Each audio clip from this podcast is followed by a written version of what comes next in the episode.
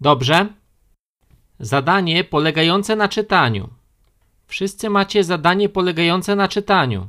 Chcemy pomóc Wam rozwinąć się w metaforach, tak abyście, gdy przyjdziecie na zajęcia ze snów i wizji, mieli przewagę w dziedzinie metaforycznego zrozumienia i wglądu. Zarówno metafory, jak i podobieństwa porównują ze sobą rzeczy nie należące do tej samej kategorii, ale mające ze sobą coś wspólnego. Podobieństwo to porównanie, w którym użyty zostaje zwrot. Podobne jak gdyby, jakby. Natomiast metafora ustanawia bezpośrednie porównanie polegające na stwierdzeniu, że jedna rzecz jest inną rzeczą. To jest tym. Jedna rzecz jest inną. Te słowa i frazy dodają kolorytu i mocy językowi.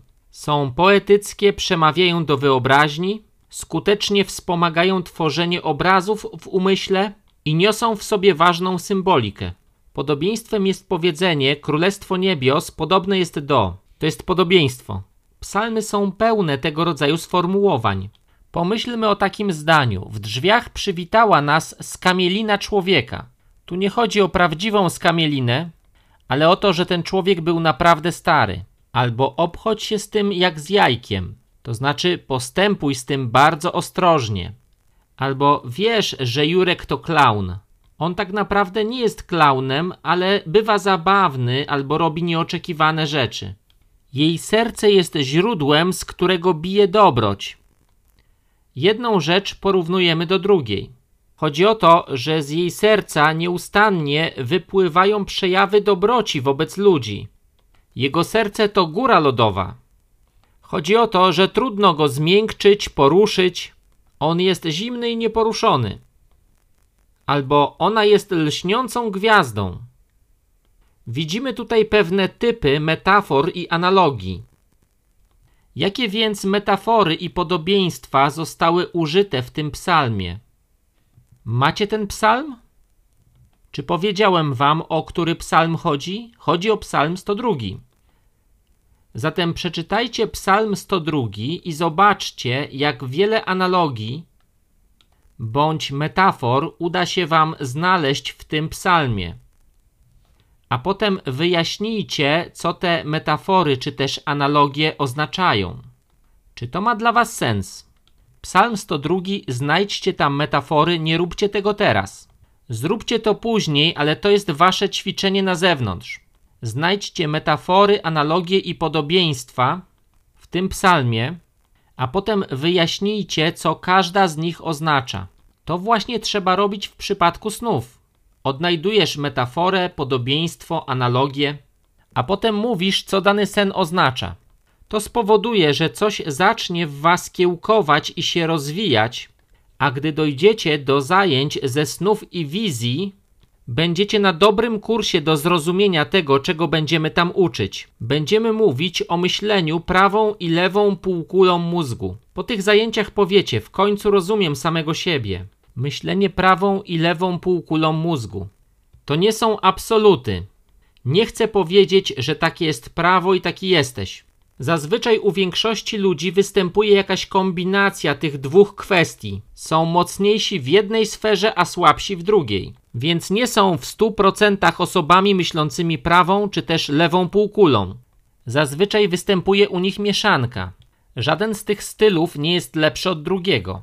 Daniel myślał bardziej lewą półkulą, natomiast Ezechiel bardziej prawą. Daniel myślał bardziej prawą półkulą, Ezechiel lewą.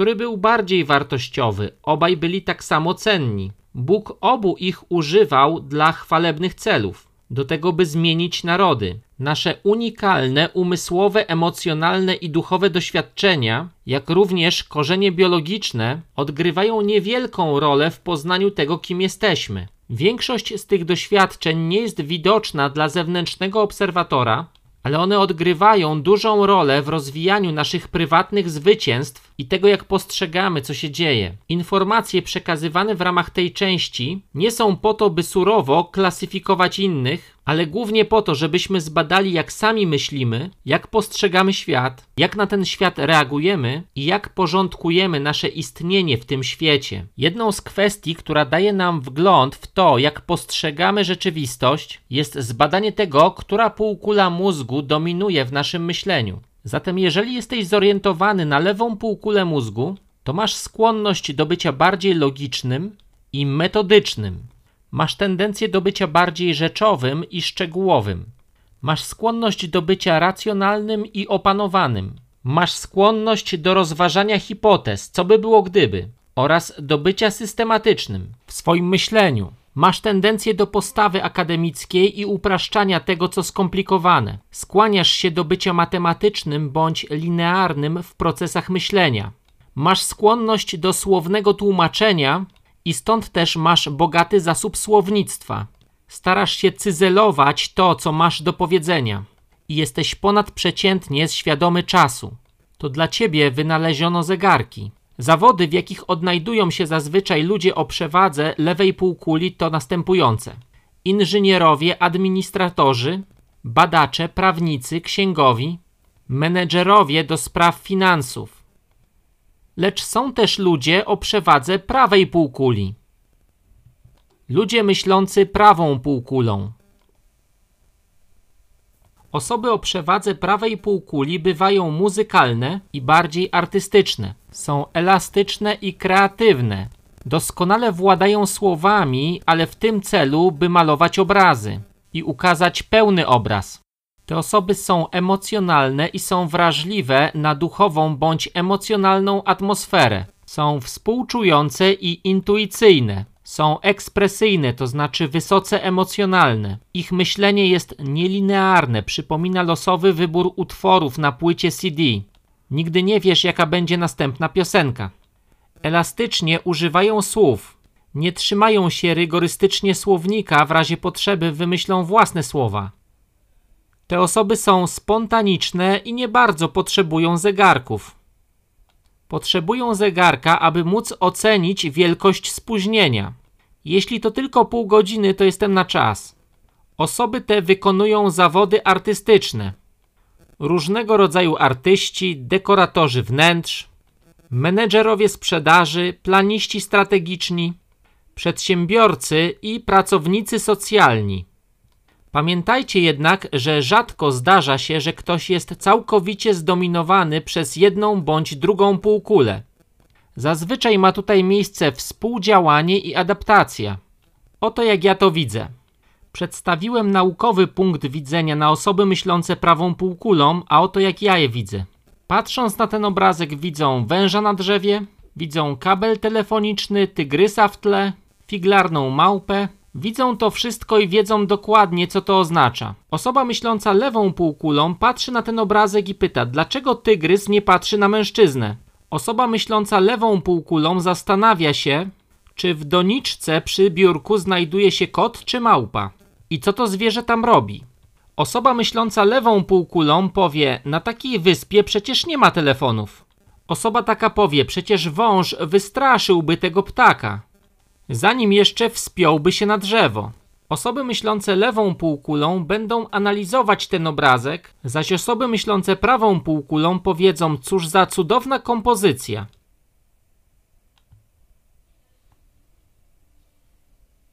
W porządku?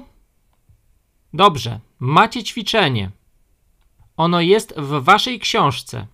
Może się wam wydać dziwne, bo macie puste przestrzenie i obrazki do góry nogami albo coś w tym rodzaju. Oto co chcę, żebyście zrobili.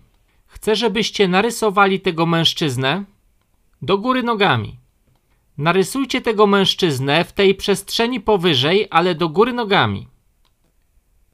A potem chcę, żebyście narysowali ten kielich, który widzicie odwrócony, w prawidłowym położeniu.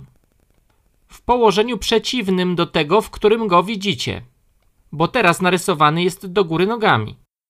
Innymi słowy, odwróćcie oba te rysunki wzdłuż poziomej osi nad nimi. Nie odwracajcie podręcznika do góry nogami. Dobrze, Lin, wiem, że jesteś osobą, która myśli prawą półkulą.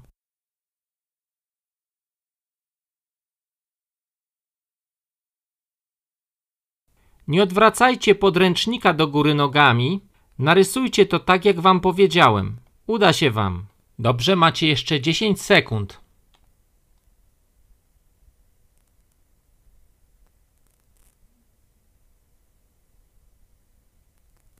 Zazwyczaj osoby z przewagą prawej półkuli nie mają z tym problemu. Tak naprawdę, jeżeli ich mózg wchodzi na odpowiednie obroty, to rysują to lepiej do góry nogami, niż gdyby mieli to narysować normalnie.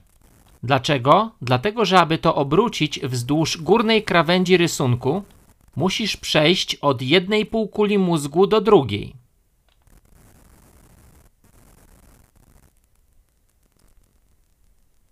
Zatem, jeżeli patrzysz na swój rysunek i on jest gorszy, to prawdopodobnie myślisz lewą półkulą i masz problem z jej zmianą na prawą półkulę. Natomiast jeżeli patrzysz na swój rysunek i to, co narysowałeś do góry nogami, jest tak naprawdę lepsze niż to, co narysowałeś normalnie, to prawdopodobnie oznacza, że myślisz prawą półkulą i że zaskoczyła u ciebie prawa półkula. Dobrze, kogo widzicie na tym obrazku? Czy widzicie tutaj staruszkę, czy młodą kobietę?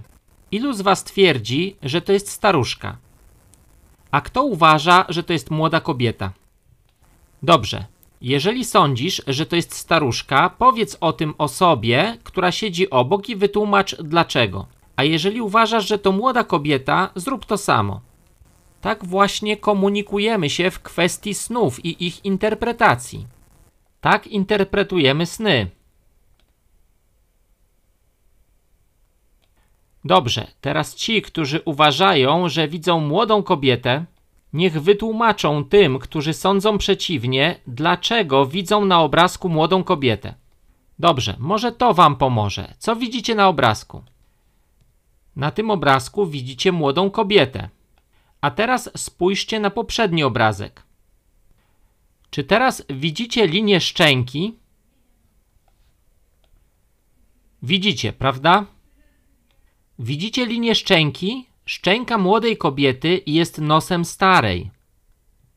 Szczęka młodej jest nosem starej. Przejdźcie do kolejnego obrazka i do kolejnego. Co to znaczy?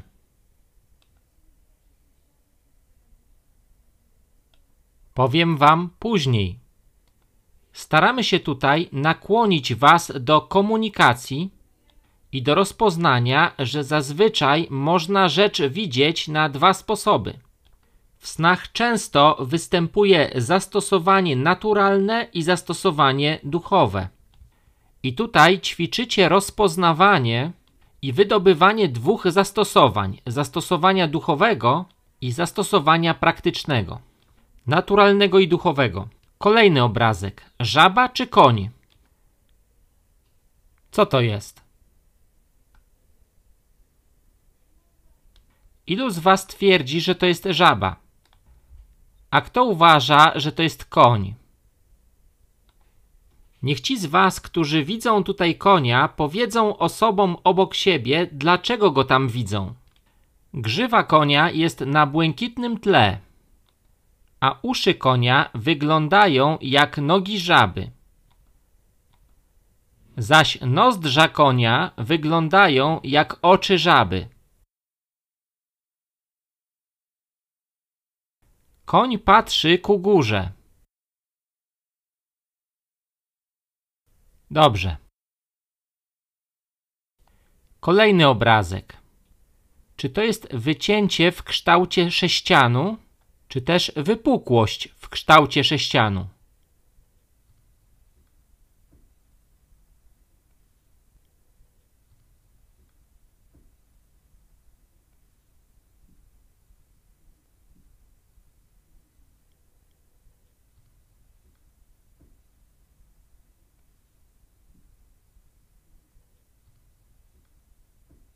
Jak wielu z Was myśli, że jest to sześcian z małym sześcianem z boku? A jak wielu z Was myśli, że jest to sześcian z wycięciem w kształcie małego sześcianu? Dobrze, żeby zamieszanie było większe, weźcie kartkę albo zapiszcie to w swoich podręcznikach. Napiszcie, które rozwiązanie bardziej do Was przemawia, a potem będziemy mieli ćwiczenie, które zmieni Wasze życie. Amando, Liso, przyjdźcie tutaj. Zrobimy ćwiczenie o nazwie, gdy patrzę na ciebie widzę. Wyjaśnię wam to ćwiczenie, a potem podzielimy się na grupy. Będziemy mieli 19 różnych grup pięcioosobowych. Jedna grupa będzie miała 6 osób z powodu naszej ogólnej liczebności.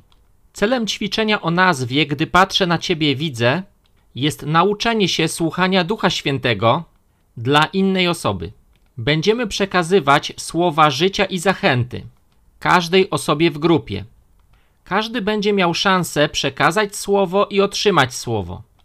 Pozwólcie, że wytłumaczę to w taki sposób.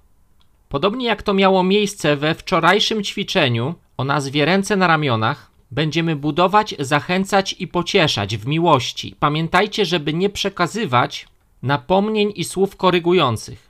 Postarajcie się, może wytłumaczę to inaczej. Proszę o pomoc czterech ochotników, cztery odważne osoby. Jeden, dwa, trzy, cztery.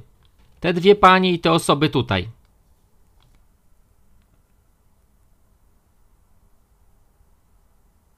Będziemy mieć grupę pięciu osób. Będziemy też potrzebować pisarza i lidera. Liza, ty będziesz pisarzem. Będziesz potrzebowała kartki papieru i długopisu. Tak będzie w każdej grupie. Potrzebujecie pisarza i lidera. Ty będziesz liderem. Lider określa, której osobie z grupy będziecie usługiwać jako pierwszej. On powie: Ty jesteś pierwsza. Dziewczyny, stańcie z tej strony. Czy wszyscy ich widzą? Czy widzicie, co robimy? Stańcie jak gdyby w kółku, bardzo z grubsza. To nie musi być kółko. Najważniejsze w tym wszystkim jest, aby każda osoba w grupie usługiwała jednej osobie naraz. Jedna osoba naraz. Zaczyna lider. Mówi on tak: Gdy patrzę na ciebie, widzę Bożą miłość, jaka na tobie spoczywa. Widzę lidera, kogoś, kto jest w stanie wytrzymać dużą presję, czy cokolwiek. Macie jedną minutę na przekazanie waszego słowa dla tej osoby. Potem następna osoba w waszej grupie przekaże swoje słowo dla tej osoby. Zaczynając tak samo, gdy patrzę na ciebie, widzę nauczyciela, kogoś, kto ma wrażliwe serce, kogoś, kto to czy tamto, a potem następna osoba. Przez ten cały czas pisarz zapisuje imię tej osoby. Sara. Wiem, że to jest Sara. Ona zapisuje. Sara otrzymała takie słowo i zapisuje słowo przekazane przez lidera, a potem słowo przekazane przez tę cenną siostrę, a następnie słowo przekazane przez kolejną osobę. Także na koniec Sara będzie mogła wziąć te wszystkie słowa prorocze i umieścić je w swoim dzienniku, wziąć je ze sobą. Gdy to dobiegnie końca, Sara się usuwa, zaś lider wybiera kolejną osobę. Ona wychodzi, a lider przekazuje słowo jako pierwszy. Gdy patrzę na ciebie, widzę, że masz wytrwałe serce i przekazuje słowo. Zaś pisarz je zapisuje, a kolejna osoba przekazuje słowo o tym, co ona nad nią widzi. Zaś pisarz i to zapisuje. Z kolejną osobą jest tak samo. Potem ona się odsuwa i to samo robimy z kolejną osobą. Lider przekazuje słowo, pisarz je zapisuje, kolejna osoba przekazuje słowo, pisarz je zapisuje i tak dalej. Ty odchodzisz na bok, otrzymałaś już wszystkie swoje słowa, gdy dochodzimy do pisarza. Pisarz przekazuje kartkę liderowi albo komukolwiek, kto dobrze będzie się czuł zapisując te prorocze słowa. Komukolwiek z grupy, kto będzie się z tym czuł komfortowo i przekazujecie słowa pisarzowi. Pamiętajcie, jedna osoba ma jedną minutę. Posługa dla każdej osoby będzie trwała około 4 minut i pójdziecie do domu ze swoimi słowami proroczymi. Czy to ma dla Was sens? Dobrze, macie aktywność zewnętrzną, o której chcielibyśmy tutaj pomówić. Myślę, że macie to na stronie 179 w Waszych notatkach. Ta aktywność nosi nazwę rozwijanie rozumienia metafor. Zrobiliście to małe ćwiczenie z symboliką i analogiami, ale chcemy teraz wprowadzić Was w tematykę metafor. W metafory wejdziemy nieco głębiej. Metafora, czyli przenośnia, jest językowym środkiem stylistycznym opartym na podobieństwie. Porównuje ze sobą dwie rzeczy, nie używając słów taki jak bądź jak gdyby. Frazy te używane są jako przysłówki lub przymiotniki i opisują osoby, miejsca, rzeczy bądź działania. Przykład. Anna jest chodzącą encyklopedią. Głowa Jana to komputer. Zazdrość to zielonooki potwór. Ten samochód jest starym dinozaurem. To są przykłady metafor. Chcę, żebyście wykonali ćwiczenie poza zajęciami. Porównacie coś do siebie. Bóg używał tej metody w odniesieniu do proroków. Bóg rzekł do Jeremiasza: Idź do domu garncarza, a sprawię, że tam usłyszysz moje słowa. W tym epizodzie widać, jak pospolite przedmioty codziennego użytku mogą zostać użyte przez Boga dla celów proroczych. Bóg jest garncarzem, a gliną jest naród izraelski. Garncarz ma pewien zamysł wobec gliny, kształtuje ją według swojej woli. I tak właśnie Bóg postępuje z Izraelem. Gdy garncarz znajduje w glinie jakiś brak, zaczyna ten proces na nowo. Gdy odkrywa defekt w glinie, zaczyna proces na nowo. Kształtuje ją według tego, jakie naczynie chce uzyskać. W innych sytuacjach Bóg również używa podobnych przedmiotów codziennego użytku. Mówi do Jeremiasza używając drzewa migdałowego. Ponownie przemówił do Jeremiasza w Jeremiasza 1:13 do 14, używając garnka z wrzącą wodą. W przypadku Amosa Bóg użył jako ilustracji szarańczy, ognia i pionu. W siódmym rozdziale Księgi Amosa Bóg powiedział: Co widzisz, Amosie? Odpowiedziałem pion. A Bóg powiedział: Spuszczam pion pośród mojego ludu izraelskiego. Już nie będę ich pomijał. Co ciekawe, do tej samej zasady widzenia odnosił się Dawid, gdy napisał w psalmie o medytowaniu dniem i nocą nad prawami bożymi.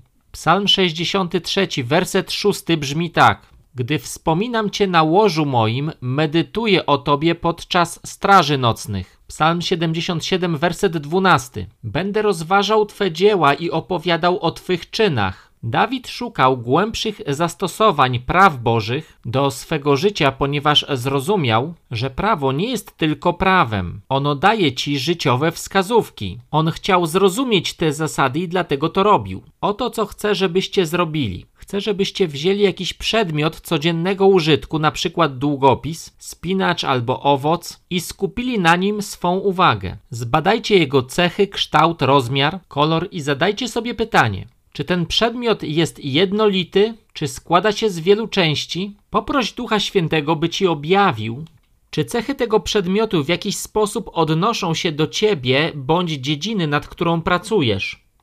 Jaki kolor ma ten przedmiot? Jaki jest jego kształt i rozmiar? Kolor, czy jest on korzystny dla tego przedmiotu? Czy ten przedmiot jest lity, pusty bądź drewniany? W jaki sposób to czyni go pożytecznym? Jak kształtuje się jego gęstość czy też kolor, do czego jest używany i czy może zostać źle wykorzystany, co może przeszkodzić wykorzystaniu tego przedmiotu w sposób, dla którego został stworzony bądź wynaleziony. Na przykład, co by się stało, gdyby użyć pióra atramentowego jako szpikulca do lodu, to znaczy źle je wykorzystać. To ćwiczenie, jeśli poświęcicie mu czas, może być całkiem zdumiewające. Pewnego dnia ktoś do mnie napisał, takie słowa. To była osoba z grupy, w której robiliśmy to przez dłuższy czas. Ta osoba powiedziała mi i złożyła świadectwo przed grupą. Ona miała starą muszlę. Ta muszla była stara, były na niej pąkle. Poświęciła czas, zdjęła te wszystkie pąkle i wypolerowała muszlę. Zrobiła to sama, osobiście. I pan przemówił do niej, używając tej muszli. Powiedział: Jesteś jak ta muszla. Byłaś rzucona na piasek, pokryta pąklami, spękana, pokryta solą i piaskiem. A ja cię wziąłem i oczyściłem. Wypolerowałem cię i uczyniłem cię czymś, na co każdy spogląda z przyjemnością, chcąc być blisko. To dosyć mocne, wywiera wpływ. Kolejna osoba złożyła takie świadectwo. Ono jest prawdopodobnie najbardziej zdumiewające z nich wszystkich, przynajmniej ja tak myślę. Napisała tak: Przeprowadziliśmy się do naszego domu i w dniu, gdy tam się przeprowadziliśmy, zgasło światło uliczne 9 lat temu. Od tamtej pory nigdy się nie pojawiło. Myśleliśmy, że spaliła się żarówka, a miasto nie zadbało o jej wymianę. Ona patrzyła na to, a pan powiedział jej: To ty. A ona na to: O nie. To ty. Myślisz, że jesteś całkiem wypalona, a powinnaś być światłem dla swoich sąsiadów i całej okolicy, ale zamiast tego żyjesz ciemną, mroczną egzystencją. Gdy opowiadała to świadectwo, płakała. Powiedziawszy to, pan dodał: Ale ja zmienię to wszystko. I nagle w tym momencie światło na ulicy powróciło. Zaświeciła się latarnia, która nie działała przez dziewięć lat. Ona zrobiła jej zdjęcie. Powiedziała: Powinnam była zrobić zdjęcie, gdy ta latarnia nie działała, ale zrobiłam, gdy była już włączona. Pan powiedział: Zmienię to wszystko w Twoim życiu. Tak więc nie miej zbyt małych oczekiwań odnośnie tego, co ta rzecz może zrobić w Twoim życiu. Jeżeli naprawdę weźmiesz to sobie do serca, to Bóg też naprawdę może do ciebie przemówić. O tobie, twojej historii, twojej przyszłości, o tym, dokąd zmierzasz. Podaliśmy przykłady takich rzeczy jak spinacz czy długopis, bo chcemy to maksymalnie uprościć. Ale chcę Was zachęcić, aby to Duch Święty powiedział Wam, co macie wybrać. Wybierz tę rzecz. Zanim jeszcze zaczniecie wybierać tę rzecz, niech to Duch Święty Was do niej poprowadzi. Poproście go, aby do Was o tym mówił. Dla wielu, bardzo wielu osób to było doświadczenie przemieniające ich życie. Sztuka słuchania Boga, część siódma. Cóż, zwiększamy tempo. Porozmawiajmy o panowaniu ducha przeciwstawionemu panowaniu duszy. Od chwili poczęcia jesteśmy w pełni ludźmi. Trzeba pewne rzeczy uznać. W Jana 3:3 czytamy słowa, jakie Jezus wypowiedział do Nikodema. Zaprawdę, zaprawdę powiadam ci, jeżeli się ktoś nie narodzi na nowo, nie może ujrzeć Królestwa Bożego. To słowo narodzony na nowo dosłownie w Grece oznacza poczęty. Jeżeli ktoś nie zostanie poczęty. Nikodem zareagował na to mówiąc, a co masz na myśli? Czy mam na nowo wejść do łona matki i się urodzić? Jak ma się to stać? Jezus go gani. Mówi do niego, jesteś liderem w Izraelu, a nie rozumiesz tak prostej rzeczy? Innymi słowy, to są podstawy tego, co powinieneś wiedzieć. To nie jest coś wielkiego i niedostępnego, o czym nikt nie wie. Jesteś przywódcą i powinieneś był to wiedzieć. Tak więc mówi do niego: Zaprawdę, zaprawdę powiadam ci, jeżeli się ktoś nie narodzi na nowo, nie może ujrzeć Królestwa Bożego. Życie zaczyna się w chwili poczęcia. W chwili, gdy zostajecie poczęci, prokreowani. To inny termin na określenie tego samego. W chwili poczęcia jesteśmy w pełni ludźmi. W chwili poczęcia otrzymujemy atrybuty człowieczeństwa, ciało, duszę i ducha. Gdy zostajemy zbawieni, dzieje się z nami to samo. Wszystko zaczyna się zmieniać. Hebrajczyków 4:12 Słowo Boże przenika aż do rozdzielenia duszy i ducha, stawów i szpiku. Dusza, duch, a stawy i szpik to ciało. Trzy składniki ciała to mięśnie, kości i krew. Trudno powiedzieć, gdzie kończy się kość, a zaczyna szpik. Przed zbawieniem duch jest słaby, już przed zbawieniem składamy się z trzech części. Lecz nasz duch jest słaby. O tym czytamy w Rzymian 5:6. Gdy bowiem jeszcze byliśmy słabi, to znaczy pozbawieni sił, bezradni, we właściwym czasie Chrystus umarł za bezbożnych. Nasz duch nie mógł nad nami panować, panowała nad nami nasza dusza, bo duch był słaby. Wtedy Chrystus umarł za was. Nasz duch był schwytany i ukryty wewnątrz gęstej, zatwardziałej duszy. Wrócimy do tego za chwilę. Rozwijamy tę władzę duszy bardzo wcześnie. Uczymy się, że gdy płaczemy i okazujemy emocje, osiągamy to, czego chcemy. I tak to rośnie. Im bardziej dusza panuje, tym bardziej się utwardza. To inaczej opisany proces zatwardzania serca, o którym mówi Jezus. Nie zrozumieli, bo ich serca były zatwardziałe i nieczułe. Gęsta dusza zamyka w sobie ducha i przeszkadza mu objawiać Boże światło. W chwili zbawienia następuje wejście nasienia Boga, który jest światłem. Jan pisze tak w 1 Jana 1:5. A takie jest przesłanie, które usłyszeliśmy od Niego i które wam ogłaszamy. Bóg jest światłością i nie ma w nim ciemności. Za chwilę do tego wrócimy. Bóg jest światłością. Jeżeli Bóg jest światłością, to wszystko, co wychodzi od Boga, jest światłem. To dlatego Jezus powiedział: Ja jestem światłością świata, ale powiedział też: Wy jesteście światłością świata. Jak następuje transfer od bycia dzieckiem ciemności do bycia światłością świata?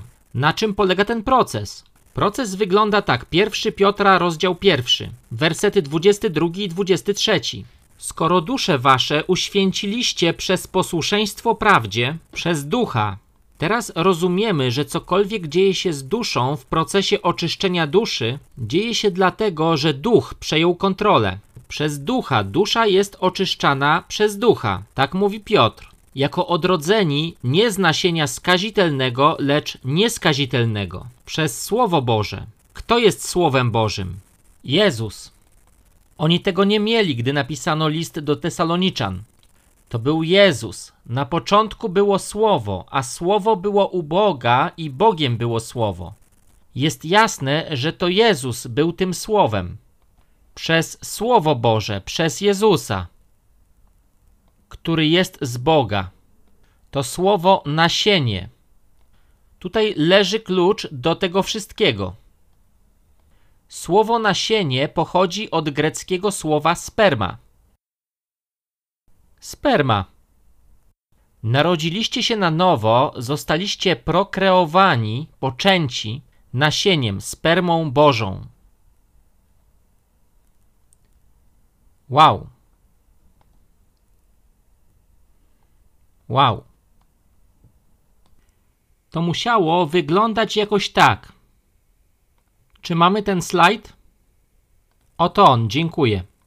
Wiedziałem, że się pojawi. Dobrze, nasienie dociera do skorupy jaja. Do grubej skorupy jaja. Przechodzi przez skorupę i wchodzi do ducha.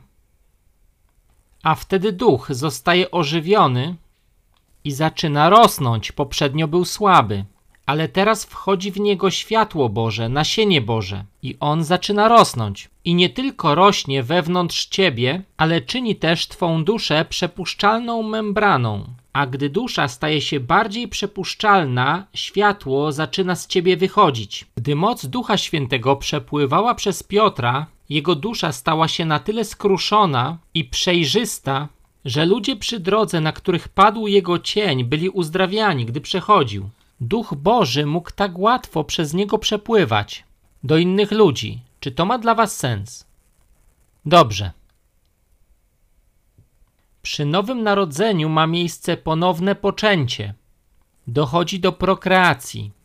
Wnika w ciebie światło, zostajesz wyrwany z ciemności i stajesz się dzieckiem światła albo światłością świata. Gdy sobie to uświadamiam, zaczynam mówić: Boże, pozwól mi promienieć Twoim światłem, tak aby każdy, kto mnie widzi, wiedział, że mam w sobie coś szczególnego. Jeżeli to rzeczywiście jest prawdą, to chcę, aby ludzie to widzieli i żeby to poznali. To nie ma nic wspólnego z tym, jak wyglądam. Tutaj chodzi o promieniowanie, o blask. Chcę promienieć Tobą. Jeżeli jestem światłością świata i każdy może być tą światłością, to chcę, żeby to się działo w sposób wyraźny i możliwy do zademonstrowania. I on to zrobił. Jak już wcześniej o tym świadczyłem. I on nadal to robi. Jana 8:12. Jezus przemówił do nich ponownie, mówiąc: Jestem światłością świata. Kto idzie za mną, nie będzie chodził w ciemności, ale będzie miał światłość życia. Sperma Boża, życiodajne światło wchodzi w ciebie i ożywia cię. bierze słabego, uśpionego ducha i zamienia go w coś, co panuje nad Twoją duszą, jak też nad Twoim ciałem. Gdy Jezus powiedział do Nikodema: Musisz się na nowo narodzić, mówił o hebrajskiej koncepcji ponownego poczęcia, duchowej prokreacji, do której dochodzi za sprawą Bożej łaski. Ponowne poczęcie to wejście nasienia Bożego w ludzkiego ducha. Mówiąc o narodzeniu z wysoka, Jezus miał na myśli prokreację przez niebieskiego Ojca. Nowy wierzący ma nowego Ojca. Duchowe DNA zmieniło się, Twoje duchowe DNA uległo zmianie. W Ewangelii Jana czytamy, że Jezus powiedział do faryzeuszy, że pochodzą od ojca, którym jest diabeł. To jest niedobre. Miał na myśli to, że narodzili się z nasienia diabelskiego. Apostoł Jan mówi podobną rzecz w pierwszym liście Jana 3:9. Kto narodził się z Boga, nie grzeszy, gdyż posiew Boży w nim pozostaje. I nie może grzeszyć, bo narodził się z Boga. W chwili poczęcia nasz duch przypomina niezapłodnione jajo. Gdy Bóg wszedł w Twoje życie, jajo Twego ducha przyjęło nasienie Ducha Bożego i zostało ożywione przez przyjęcie tego nasienia. Jego duch wkroczył i przyniósł życie Twojemu duchowi. Jajo Twego ducha zaczyna rosnąć i promienieć światłem Bożym. Im bardziej Twój duch dojrzewa w Bogu, a Bóg w Tobie, to świecenie na zewnątrz Twojego ducha rośnie, wewnątrz Ciebie. W miarę jak wzrasta gęstość, intensywność Jego obecności, coś dzieje się z Tobą. To znaczy, zaczynasz odczuwać nacisk. Ten nacisk rośnie, tak jak w przypadku kobiety w ciąży. Jest nacisk od wewnątrz i na zewnątrz. Nigdy nie miałem tego doświadczenia z wyjątkiem jednego razu we śnie. Opowiem wam o tym na kursie poświęconym snom. Gdy Jezus mówi, niech weźmie swój krzyż w Mateusza 16:24, mówi tym samym: pozwól, by twoja dusza została złamana. Właśnie to złamanie umożliwia dokonanie się w twoim życiu transformacji. Twoja dusza, którą określa się również mianem serca, może tak się zatwardzić, że duch zostaje uwięziony i ma niewielki, jeśli w ogóle jakiś wpływ na Twoje życie. Dusza może stać się tak twarda. Będziemy o tym mówić później przy zatwardziałości serca. Aby duch panował w życiu, dusza musi zostać złamana. Dlatego Bóg dopuszcza wewnętrzny nacisk i nacisk zewnętrzny. Ludzie zaczynają cię ranić. Zaczynasz być przez nich wyszydzany, Jesteś przez nich odrzucany, doświadczasz z ich strony zdrady. Dzieją się dziwne rzeczy. Dlaczego? Czemu mi się to przytrafia? Nieprzyjaciel używa tego, żeby cię zniechęcić, a Bóg, aby cię przygotować. Im bardziej złamana jest dusza, tym bardziej możesz świecić. Mniej złamania, mniej świecenia. To dlatego Bóg mówi: Bliski jestem tym, którzy mają złamane serce i są skruszonego ducha. Złamanie jest podstawą tego, by mieć wspaniałe życie w Bogu. Branie na siebie swego krzyża jest niezmiernie istotne w podążaniu za Jezusem. To nie jest coś, co nie jest już konieczne. To sprawa o podstawowym znaczeniu. Im bardziej skruszona jest dusza, tym większe jest uwolnienie ducha. Ta otoczka duszy wokół ducha musi być przepuszczalna. Musi łatwo pozwalać na wchodzenie i wychodzenie jak pęknięta skorupka jajka, jak sitko, którym pewne rzeczy odcedzamy. Rezultatem złamanej duszy jest skruszone serce. Psalm 51:17. Ofiarą Bogu miłą jest duch skruszony i skruszone serce. Tym nie wzgardzisz, o Boże. Skruszone serce można osiągnąć tylko wówczas, gdy panuje duch. Bycie skruszonym jest przejawem życia duchowego. Pokora i łagodność promują i ułatwiają to skruszenie, ekspansja i wzrost ludzkiego ducha. Gdy dojrzewasz duchowo, nieustannie dochodzi do łamania Twojej duszy i towarzyszącego temu wzrostu w duchu. Duch Boży promienieje poza Ciebie, sięga i dociera do innych. Dlatego mówię, możesz dotknąć ludzi nie dotykając ich. Mając Boga w sobie i złamaną duszę, Możesz dotykać ludzi, nie dotykając ich.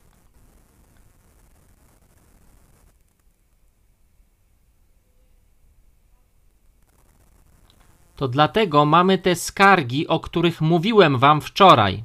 Skarżą się na nas ludzie New Age. Mówią, ten człowiek musi być duchowym wampirem, bo za każdym razem, gdy się zbliża, tracę moje zdolności.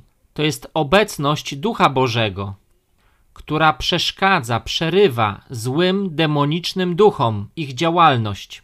Duch Boży przeszkadza duchom, które wieszczą im pewne rzeczy. Jeżeli nie jesteś prowadzony przez ducha, będziesz prowadzony przez duszę. Możesz być prowadzony przez duszę i myśleć, że kieruje tobą duch, bo dusza będzie starała się przekonać cię, że to, że ona cię prowadzi, jest właściwe, szczególnie intelekt. Zauważcie przykład apostoła Pawła, który sądził, że pełni wolę Bożą, a prześladował Kościół. Myślał, że podąża za Duchem Bożym, lecz podążał za własną duszą. W pierwszym liście do Koryntian w rozdziale drugim w wersecie dziesiątym czytamy, że Duch objawia głębokości Boże tym, którzy przyjęli Ducha, który jest z Boga. Duchowa osoba może poznać rzeczy duchowe, ponieważ duchowo rozeznaje. To właśnie dlatego medium nie może poznać duchowej interpretacji snu danej od Boga, bo taką osobą kieruje dusza. Dusza nie może interpretować ducha, ale duch może interpretować duszę. Pierwszy Koryntian, rozdział drugi, mówi nam, że duch bada wszystko, Zatem twarde serce, czy też dusza, chwyta ducha niczym w pułapce i nie pozwoli na jego uwolnienie. Osobie, której dusza nie jest złamana, będzie bardzo trudno konsekwentnie słyszeć Boga. Innymi słowy, im bardziej jesteś złamany, tym więcej usłyszysz. Tym bardziej będziesz wrażliwy i poddany. I będziesz w stanie prawdziwie chodzić w wymiarze ducha. Jezus, światłość świata, Ewangelia Jana, rozdział pierwszy, wersety od 12 do 13, Jana 8, 12 i 9, 5, tak tam jest określany. Chodzenie w duchu to noszenie jego światła.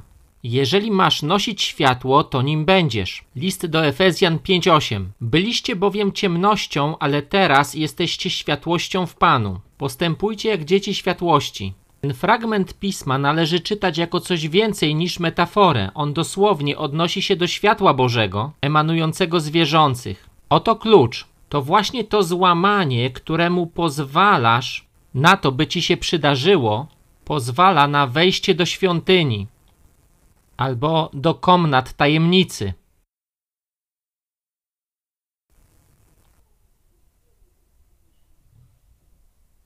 Przebywanie na zewnętrznym dziedzińcu nie wymaga złamania. Tam potrzebujesz być złamany jedynie na tyle, aby się nawrócić. Ale przebywanie w sanktuarium wymaga złamania. Wymaga tego, byś brał swój krzyż i podążał za Jezusem.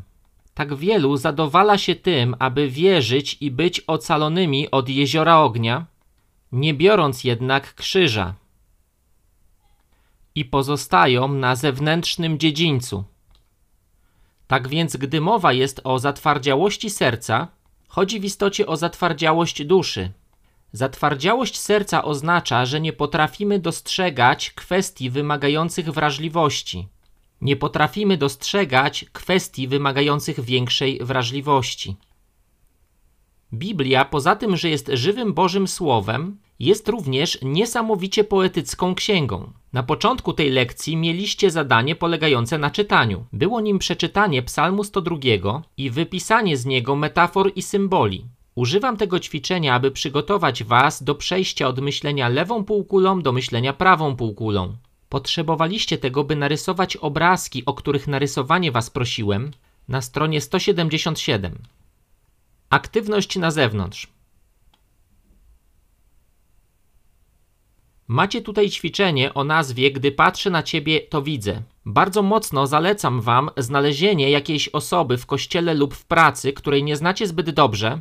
Im mniej znacie tę osobę w sensie naturalnym, tym łatwiej będzie wam odfiltrować naturalne informacje i oddzielić je od tego, co Duch Święty wam mówi. Macie też drugą aktywność zewnętrzną, do której wykonania stanowczo Was zachęcam, zanim przejdziecie do kolejnych zajęć. Znajdziecie ją na stronach od 180 do 181 i ona naprawdę pomoże Wam rozwinąć zrozumienie metafor. Zakończyliśmy te zajęcia mówiąc o władzy ducha jako przeciwieństwie władzy duszy. Punkty podsumowania. Przychodzimy na ten świat, będąc w pełni istotami ludzkimi ciało, dusza i duch. W momencie zbawienia nasienie Boże, które jest światłem, wchodzi w nas i nas przemienia. Rodzimy się z ducha. Nasze duchowe DNA zmienia się za sprawą ducha Bożego. Jajo naszego ducha przyjęło nasienie ducha Bożego. Przyzwolenie na bycie złamanym sprawia, że dusza staje się przejrzysta, a to z kolei pozwala Duchowi Bożemu na wzrost jego przepływu w Twoim życiu. W ten sposób, gdy światło Boże promienieje przez nas z naszego ducha, stajemy się dziećmi światła, a świat wokół nas jest dotykany przez światło ducha, który w nas jest. Niech tak będzie w Tobie i przez Ciebie w imieniu Jezusa.